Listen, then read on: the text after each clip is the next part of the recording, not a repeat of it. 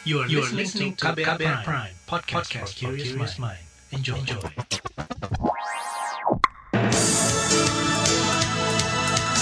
Selamat pagi saudara, jumpa lagi di program Buletin Pagi edisi hari terakhir tahun ini Jumat 31 Desember 2021. Saya Sindu Darmawan, sejumlah informasi pilihan telah kami siapkan di antaranya. Pemerintah terapkan langkah prioritas hadapi ancaman kasus Omikron. Kriminalisasi warga dinilai memperburuk kualitas demokrasi tahun ini. Rumah sakit karya di Semarang kebakaran. Inilah Buletin Pagi selengkapnya. Terbaru di Buletin Pagi. Saudara Kementerian Kesehatan mengklaim terus melakukan pengetesan dan pelacakan untuk mendeteksi persebaran COVID-19 varian Omikron, terutama setelah adanya kasus Omikron transmisi lokal. Juru bicara Kementerian Kesehatan Siti Nadia Tarmizi mengatakan upaya itu dilakukan terhadap mereka yang diduga pernah kontak dengan pasien positif ada satu kasus yang sifatnya transmisi lokal. Nah sampai saat ini kita masih sedang melakukan testing dan tracing ya untuk kasus transmisi lokal ini baik di Jakarta maupun juga di Medan ya karena yang bersangkutan ini sebelumnya merupakan pelaku perjalanan dari Medan ke Jakarta dan pada waktu akan kembali ke Medan yang bersangkutan melakukan uh, tes antigen dan itu dinyatakan positif. Kebetulan istrinya pada waktu itu negatif sehingga kemudian yang bersangkutan melanjutkan pemeriksaan dengan pemeriksaan PCR dan kita dapatkan kemudian hasilnya itu adalah positif. Juru bicara Kementerian Kesehatan Siti Nadia Tarmizi menjelaskan sejumlah langkah prioritas untuk menghadapi Omikron yaitu menerapkan pembatasan, menambah durasi karantina bagi pelaku perjalanan luar negeri, mempercepat vaksinasi, dan menguatkan protokol kesehatan pada aktivitas masyarakat. Selain itu dilakukan juga penguatan 3T atau pengetesan, pelacakan, dan perawatan menggunakan teknologi digital, serta pemeriksaan genomik. Kementerian Kesehatan juga memprioritaskan peningkatan layanan fasilitas kesehatan untuk menghadapi Omikron. Organisasi Kesehatan Dunia WHO merekomendasikan negara-negara di dunia termasuk Indonesia memperluas surveillance untuk menghadapi Omikron. Penasihat Dirjen WHO untuk Gender dan Pemuda Dia Satyani Saminarsi meminta pemerintah Indonesia tidak hanya melakukan tes dan pelacakan di pintu-pintu masuk dari luar negeri saja sebenarnya yang harus dikerjakan sekarang selain memperkuat, memperketat pintu-pintu masuk ke dalam negara, ke dalam Indonesia dalam hal ini, juga di dalam sendiri itu memperkuat menambah kapasitas tes di Inggris dan bahkan di Swiss tes itu segitu banyaknya orang yang tertular sampai tes pun habis. Jadi sekarang kalau mau bersiap-siap sebenarnya melihat apa yang sedang terjadi di benua Eropa maupun di Amerika, menambah logistik tes, memperketat tracing uh, dengan lebih teliti Penasihat Dirjen WHO untuk Gender dan Pemuda Dia Satyani Saminarsi menegaskan bahwa Indonesia harus mengantisipasi Omikron secara serius. Caranya dengan berkaca pada gelombang ketiga Omikron di Amerika dan Eropa. Begitu juga dari pengalaman gelombang kedua varian Delta. Langkah lain yaitu percepatan vaksinasi COVID-19 dosis lengkap serta dilanjutkan dengan vaksin booster. Hal senada disampaikan epidemiolog Universitas Erlangga Surabaya Laura Nafika Yamani. Menurutnya, meski kemampuan vaksin COVID-19 dosis lengkap belum mampu mencegah seorang terinfeksi Omikron, tapi vaksinasi tetap harus dilaksanakan secara merata dan dipercepat dengan orang sudah divaksin kan tingkat keparahan menjadi lebih rendah. Ini kan bisa menurunkan tingkat kematian karena infeksi COVID, apalagi pada kelompok rentan, orang lansia, orang dengan komorbid. Untuk kelompok rentan ini juga harus lebih ditingkatkan lagi. Karena kan kalau kita lihat kelompok lansia itu kan persentasenya juga masih rendah. Ya artinya ya vaksin harus jalan dan harus diupayakan dimaksimalkan gitu. Epidemiolog Universitas Erlangga Laura Nafika Yamani menyarankan dua kombinasi aksi, yaitu percepatan vaksinasi dan pengetatan disiplin protokol kesehatan untuk melawan Omikron. Sementara itu, organisasi relawan lapor COVID-19 menyoroti rendahnya upaya whole genome sequencing atau WGS untuk mendeteksi varian COVID-19 termasuk Omikron. WGS ialah proses menentukan urutan DNA lengkap dari suatu genom organisme pada satu waktu. Relawan lapor COVID-19 Firdaus Ferdiansyah menilai pemeriksaan genomik yang rendah bisa memicu lonjakan kasus Omikron dari transmisi atau penularan lokal. Genome sequencing-nya harus dilakukan sebanyak mungkin. Sementara kita sendiri saja masih terbatas ya untuk genome sequencing-nya. Bahkan kasus pasien pertama Omicron sendiri itu kan dilaporkan pada seseorang yang justru tidak memiliki riwayat perjalanan luar negeri. Artinya uh, terpapar dari orang yang sudah memiliki riwayat uh, perjalanan luar negeri kan. Ini kan menimbulkan pertanyaan berarti sudah berapa banyak sebetulnya virus Omicron ini sudah masuk ke Indonesia, baik mereka yang sudah dilakukan genome sequencing atau tidak atau belum. Relawan lapor COVID-19 Firdaus Ferdiansyah mengingatkan keberadaan Omicron membuktikan bahwa situasi pandemi di dunia masih belum selesai dan berkepanjangan. Untuk itu pemerintah diminta membatasi aktivitas sosial termasuk melarang perjalanan ke luar negeri, lalu mengoptimalkan fasilitas karantina terpusat dan menegakkan sanksi bagi pelanggar protokol kesehatan. Saudara hingga kemarin jumlah kasus Omikron di Indonesia mencapai 68 pasien, mayoritas merupakan pelaku perjalanan dari luar negeri dan ada juga satu pasien yang merupakan transmisi lokal. Dari 68 pasien tadi diketahui ada 51 pasien yang sudah divaksinasi COVID-19 dosis lengkap. Kementerian Kesehatan menyatakan kasus terkonfirmasi Omikron di DKI Jakarta naik dari 0% menjadi 13,5% dalam dua pekan terakhir. Catatan Kementerian Kesehatan, DKI Jakarta merupakan kota dengan probabilitas paling tinggi untuk terjadinya transmisi lokal Omikron. Saudara kinerja KPK diberi nilai rapor merah. Informasi selengkapnya hadir sesaat lagi. Tetaplah di Buletin Pagi KBR. You're listening to KBR Pride, podcast for curious mind. Enjoy!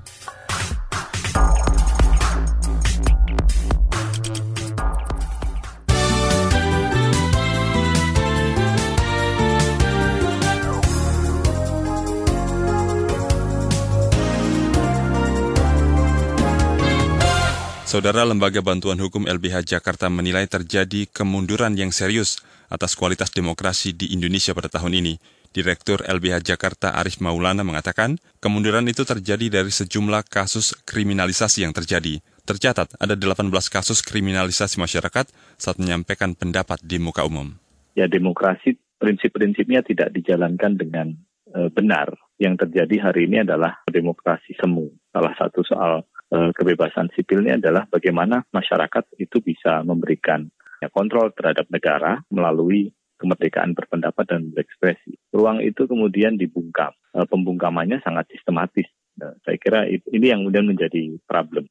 Direktur LBH Jakarta Arif Maulana menambahkan ada juga sejumlah pasal di undang-undang yang dinilai membelenggu kebebasan sipil seperti Undang-Undang ITE, KUHP, hingga Cipta Kerja yang oleh Mahkamah Konstitusi sudah dinyatakan cacat formil. Lembaga Pemantau Anti Korupsi Indonesia Corruption Watch ICW memberikan rapor merah atau nilai E untuk kinerja Komisi Pemberantasan Korupsi KPK di bawah kepemimpinan Firly Bahuri di 2021.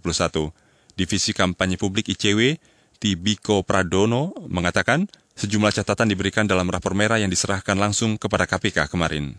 Indikator ini sebenarnya um, beberapa catatan yang kami lakukan ini memang ada dalam laporan lengkap yang kami koalisi buat ya.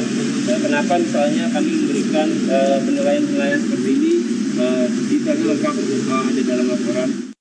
Saudara, ada lima parameter yang membuat KPK mendapat nilai merah, yaitu pemberhentian 57 pegawai melalui tes kewawasan kebangsaan, pelanggaran etik oleh Firly Bahuri dan Wakil Ketua KPK Lili Pintauli Siregar, kemudian kinerja penindakan yang anjlok, pimpinan KPK gemar gimmick politik dan KPK yang gagal menangkap sejumlah buronan termasuk Harun Masiku. Kita ke soal lain.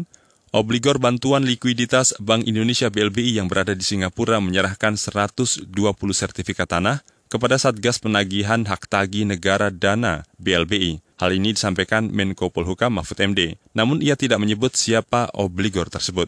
Kata dia Satgas BLBI belum memproses penyerahan itu karena penghitungannya belum sesuai.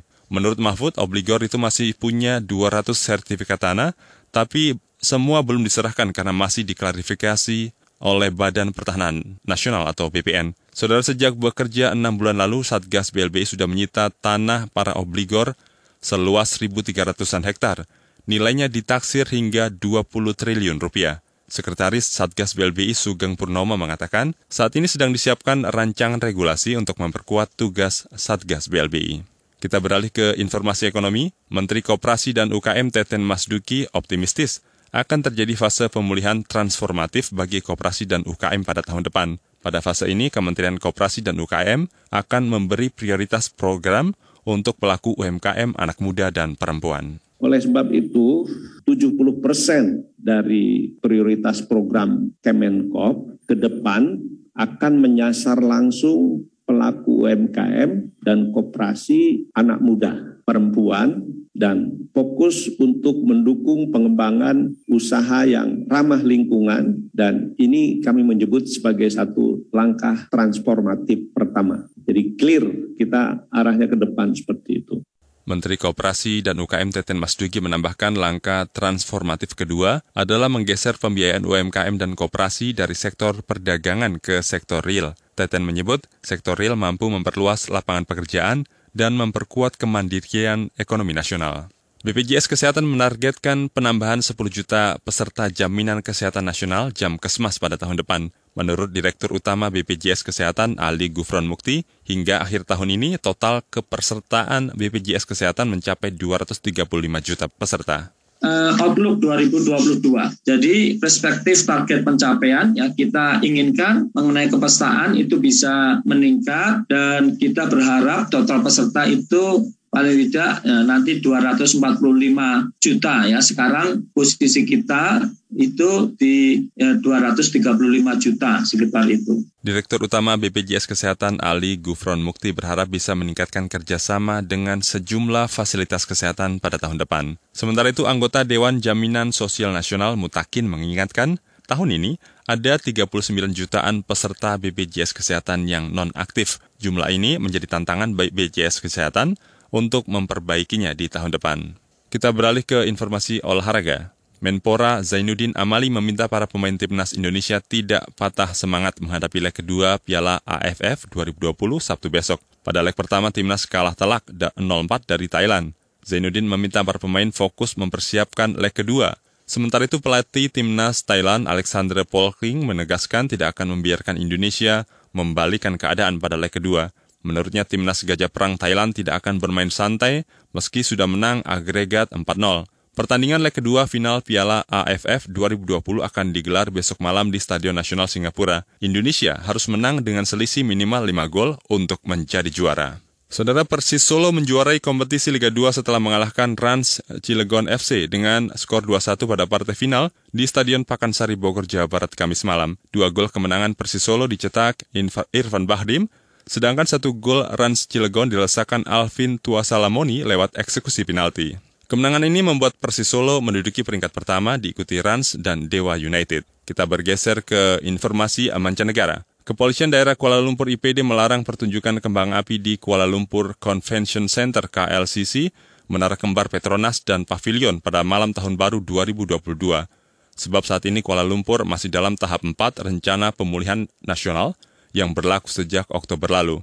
Mengutip antara news.com, Kepala IPD Dangwangi Nur Delhan Yahaya mengatakan bakal menggelar patroli untuk memastikan semua pihak mematuhi protokol kesehatan pencegahan COVID-19. Selain Kuala Lumpur, sebelumnya pemerintah negeri Selangor, Malaysia juga telah membatalkan sambutan menjelang tahun baru tingkat negeri karena korban banjir di negara bagian itu sudah mencapai 25 orang. Di bagian berikutnya kami hadirkan laporan khas KBR yang mengulas tema tentang Pembentukan komponen cadangan masih polemik. Rekrutmen anggota jalan terus. Nantikan sesaat lagi. You're listening to KBR Pride, podcast for curious mind. Enjoy!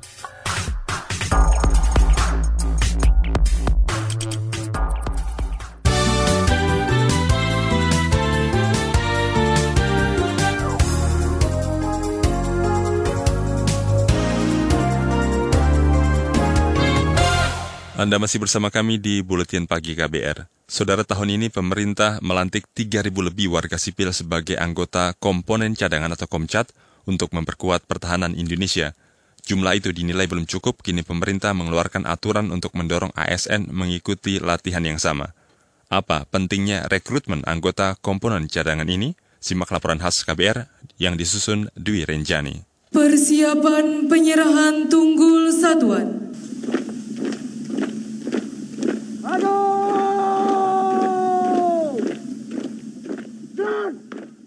TNI sebagai komponen utama selalu siaga tetapi perlu didukung oleh komponen cadangan dan komponen pendukung. Setiap warga negara berhak dan wajib ikut serta dalam upaya bela negara dan usaha pertahanan negara. Saya menyampaikan terima kasih kepada saudara-saudara yang telah mendaftar secara sukarela, telah mengikuti proses seleksi dan pelatihan dasar kemiliteran secara sukarela, dan hari ini saudara-saudara ditetapkan sebagai anggota komponen cadangan. Oktober lalu, Presiden Joko Widodo melantik ribuan warga sipil menjadi anggota komponen cadangan atau Komcat. Jokowi menjelaskan unit baru di sektor pertahanan ini memiliki tugas yang sama dengan militer. Hanya saja anggota Komcat tidak bertugas setiap hari, melainkan hanya saat dibutuhkan. Masa aktif komponen cadangan tidak setiap hari, tidak setiap saat. Setelah penetapan ini, saudara-saudara kembali ke profesi masing-masing. Anggota komponen cadangan tetap berprofesi seperti biasa. Masa aktif komponen cadangan hanyalah pada saat mengikuti pelatihan dan pada saat mobilisasi. Tetapi anggota komponen cadangan harus selalu siaga jika dipanggil negara. Rekrutmen anggota Komcat ternyata tidak hanya dilakukan di tahun 2021. Tahun depan, rekrutmen akan dibuka lagi. Salah satunya akan dilaksanakan oleh TNI Angkatan Udara. Asisten Potensi Dirgantara TNI AU, Bobo Budiarto mengatakan, satuannya akan merekrut sebanyak 500 orang. Untuk TNI Angkatan Udara tahun 2022, mungkin alokasi pertama kita 500 orang. Yang kemudian akan kita didik uh, latihan dasar kemiliteran. Nanti akan dilaksanakan di Bandung. Dan insya Allah perintah dari Kemhan, kita akan laksanakan mungkin 1 Maret ya, selama 3 bulan ke depan. Rekrutmen anggota komponen cadangan juga menyasar aparatur sipil negara atau ASN. Bulan ini, Menteri Pendayagunaan Aparatur Negara dan Reformasi Birokrasi atau PAN-RB Cahyo Kumolo mengeluarkan surat edaran nomor 27 tahun 2021 tentang peran serta pegawai ASN sebagai komponen cadangan dalam mendukung upaya pertahanan negara. Namun Cahyo mengatakan aturan tersebut bersifat sukarela dan tidak memaksa ASN untuk ikut dalam latihan pertahanan itu. Kendati demikian, pembentukan unit tambahan atau Komcat mendapat banyak kritik dari pengamat dan masyarakat sipil. Pasalnya, untuk membentuk ribuan anggota yang memiliki kualitas baik, pelatihan tiga bulan dianggap terlalu singkat untuk membentuk pola pikir dan pribadi sesuai NKRI. Bahkan, Direktur Imparsial Gufron Mabruri menilai, saat ini tidak ada pentingnya membentuk unit tersebut. Ia khawatir langkah itu berpotensi menimbulkan konflik horizontal di masyarakat. Sama potensi abuse penggunaannya ya di lapangan kan kita punya masalah terkait dengan paramiliter ya. Nah, keberadaan Komcat gitu ya, dengan kerangka pengaturannya yang problematik, kemudian mekanisme kontrol pengawasan yang lemah gitu. Nah, di lapangan dia berpotensi untuk disalahgunakan untuk tujuan-tujuan di luar sektor pertahanan itu ya. Karena kan bisa aja misalnya dia digunakan untuk tujuan-tujuan keamanan dalam negeri gitu ya. Soal pengamanan unjuk rasa, kemudian juga ancaman hibrida dan lain sebagainya. Kritik juga dilontarkan pengamat militer Koni Rahakundini. Koni mempertanyakan bekal senjata para anggota Komcat yang dianggap melebihi standar para anggota TNI yang sudah terlatih. Hal ini menurut Koni cukup mengkhawatirkan. Yang sekarang ini menurut saya agak membingungkan karena tadi ada pertama pendidikannya itu sangat pendek. Kedua di, diberi senjata yang menurut saya canggih banget gitu loh. Canggih senjata senjata tentara kita beneran aja belum tentu seperti itu gitu. Mereka sepertinya pakai assault rifle gitu padahal harusnya mereka pakai model M M1 juga sudah sudah cukup. Saudara, laporan ini disusun Dwi Renjani. Saya Reski Mesanto. Informasi dari berbagai daerah akan hadir usai jeda tetaplah bersama Buletin Pagi KBR. You're listening to KBR Pride, podcast for curious mind. Enjoy!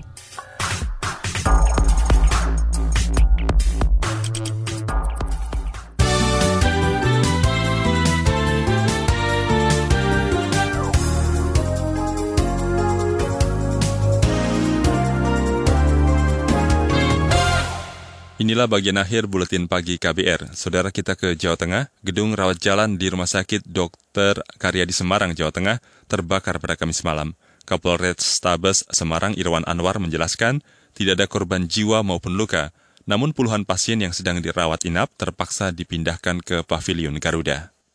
Titik api diduga dari salah satu ruangan rawat medik di Rumah Sakit Karya sementara ini tidak ada tapi 31 pasien yang kamarnya terdekat dengan sumber api itu sudah diungsikan ke ruangan yang lebih aman. Kobaran api berhasil dipadamkan petugas yang mengerahkan belasan mobil pemadam kebakaran. Hingga pukul 20 lebih 15 tadi malam, proses pendinginan dari sisa bangunan yang terbakar masih dilakukan. Kita ke Aceh, saudara. Sebanyak 120 imigran Rohingya Myanmar yang terdampar sejak beberapa hari lalu di Selat Malaka, atau 67 mil dari Laut Biren, Aceh, akhirnya dievakuasi kemarin. Panglima Laut Biren Badrudin menjelaskan, evakuasi manusia perahu Rohingya dilakukan dengan cara kapal mereka ditarik menggunakan kapal perang KRI Parang ke Pelabuhan Umum Krueng Gekeh, Aceh Utara. Badrudin juga menjelaskan kondisi fisik para imigran. Kondisinya kalau kita lihat melemah, uh, karena itu kurang makan, kurang tidur, kan ini lagi di apa semalam emaknya uh, tinggi kali, anginnya kencang, anak-anak banyak kali yang muntah-muntah tuh. Kalau muntah-muntah di laut tuh pastinya nggak bisa makan, kita sudah merasakan tuh. Panglima Laut Biren Aceh, Badrudin menambahkan, usai dievakuasi selanjutnya dilakukan pemeriksaan kesehatan. Bila memenuhi syarat medis dan protokol kesehatan pencegahan COVID-19, mereka akan ditempatkan sementara di posko pengungsi di Lok Sumawe. Sementara itu, Menko Polhukam Mahfud MD mengatakan penampungan imigran Rohingya hanya sementara, sebab Indonesia tidak ikut meratifikasi Konvensi 1951 tentang status pengungsi dan protokol 1967. Indonesia mau menampung imigran Rohingya karena alasan kemanusiaan. Kita kembali ke ibu kota, Asosiasi Pengusaha Indonesia APindo tetap menolak keputusan Gubernur DKI Jakarta tentang upah minimum tahun 2022. Sebelumnya Gubernur DKI Jakarta Anies Baswedan menetapkan upah minimum Provinsi DKI Jakarta naik sebesar 5,1 persen atau menjadi 4,6 juta per bulan mulai Januari nanti. Berikut pernyataan Wakil Ketua DPP Apindo DKI Jakarta, Nur Jaman. Kenapa Pak Anies menetapkan yang sudah benar direvisi menjadi tidak tidak benar? Tentu alasan kami men, men, keberatan ya. Hmm. Yang kedua, Capgub yang sekarang 15-17 ini tidak ada sandaran hukum, sandaran aturannya ke mana? Karena yang ditetapkan adalah mengenai upah. Upah itu aturannya PP 36, termasuk UMP, termasuk sekretus segala upah itu diatur oleh PP 36. Nah, di Capgub yang sekarang tidak ada san cantolan hukumnya, cantolan aturannya. Wakil Ketua DPP Apindo DKI Jakarta Nur Jaman mengingatkan, Anies harusnya mengawal dan menjaga berjalannya regulasi yang dikeluarkan pemerintah pusat, bukan justru melanggarnya. Apalagi Anies juga mengancam akan memberikan sanksi bagi pengusaha yang melanggar revisi UMP tahun depan. Kita ke kasus lingkungan hidup di Sumatera Utara. Komnas HAM mendorong agar keadilan restoratif atau restoratif justice dikedepankan pada kasus sengketa lahan dan dugaan pencemaran lingkungan hingga kriminalisasi sejumlah warga di beberapa kabupaten kota di Sumatera Utara oleh PT Toba Pulp Lestari. Berikut keterangan Komisioner Komnas HAM Hoirul Anam. Jadi penegakan hukum itu RG-nya diletakkan secara substansi, tidak hanya sekedar normatif. Kalau normatif dikasih sini akan berat. Tapi memang kami minta ke depan Komisioner Komnas HAM Hoirul Anam mengingatkan saat ini tim pemantauan dan penyelidikan Komnas HAM sudah memperoleh keterangan dari warga desa Nanut Natumingka, Kabupaten Toba, dan warga desa Sihaporas, Kabupaten Simalungun, Sumatera Utara. Saudara Toba Pulp Lestari adalah perusahaan penghasil bubur kertas yang berlokasi di kawasan Danau Toba. Berdasarkan pengaduan dari Aliansi Gerakan Rakyat Tutup Toba Pulp Lestari, perusahaan ini diduga mengakibatkan kerusakan lingkungan melalui pencemaran udara dan air. Bahkan aliansi menuding bisnis Toba Pulp Lestari mengakibatkan tanah longsor dan penurunan debit air danau. Informasi tadi menutup jumpa kita di Buletin Pagi hari ini. Pantau juga informasi terbaru melalui kabar baru, situs kbr.id, Twitter kami di akun @beritaKBR serta podcast di alamat kbrprime.id. Akhirnya saya Sindu Darmawan bersama tim yang bertugas undur diri. Salam.